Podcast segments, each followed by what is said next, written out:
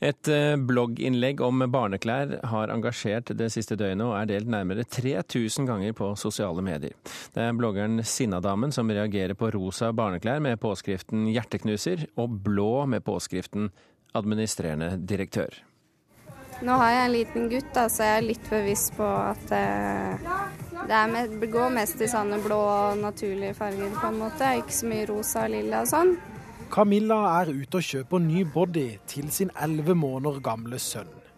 Det går mest i blå og mørke farger, men hva det står på bodyen, mener hun ikke er så viktig.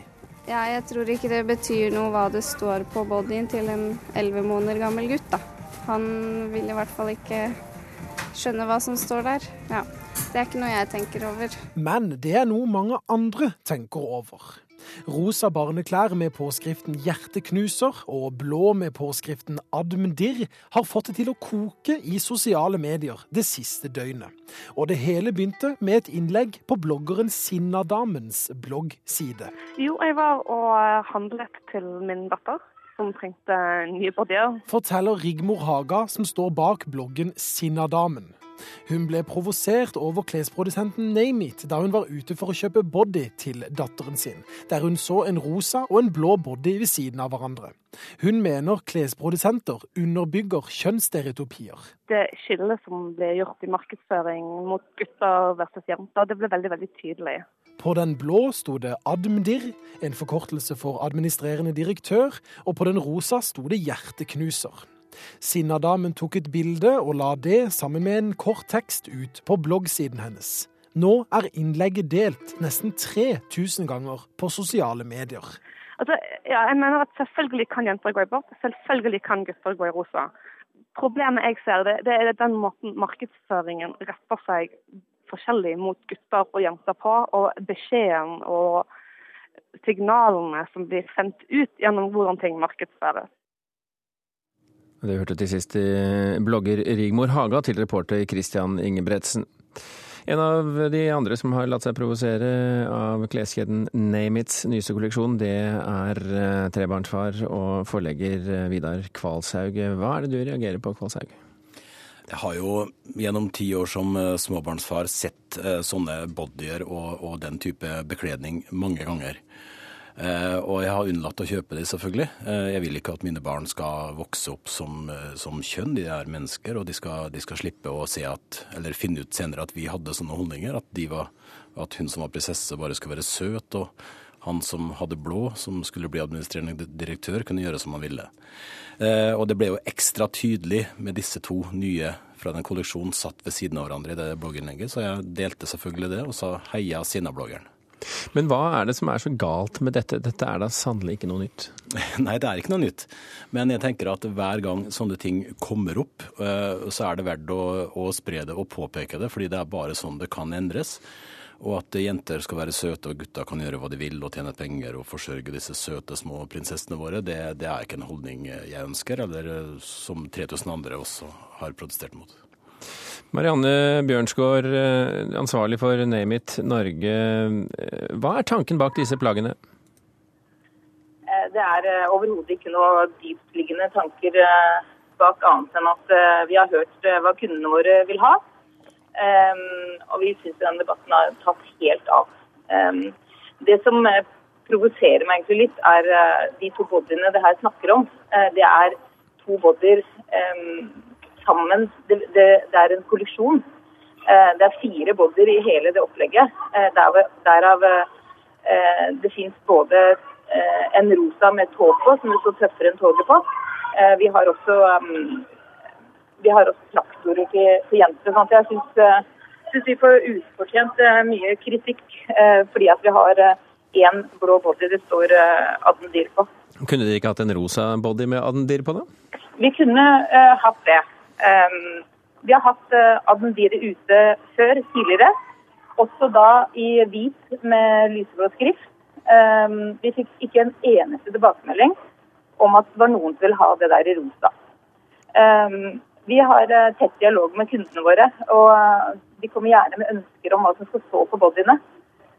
Og vi, vi prøver å, å, lage noen morsomme morsomme tekster som kundene vil ha.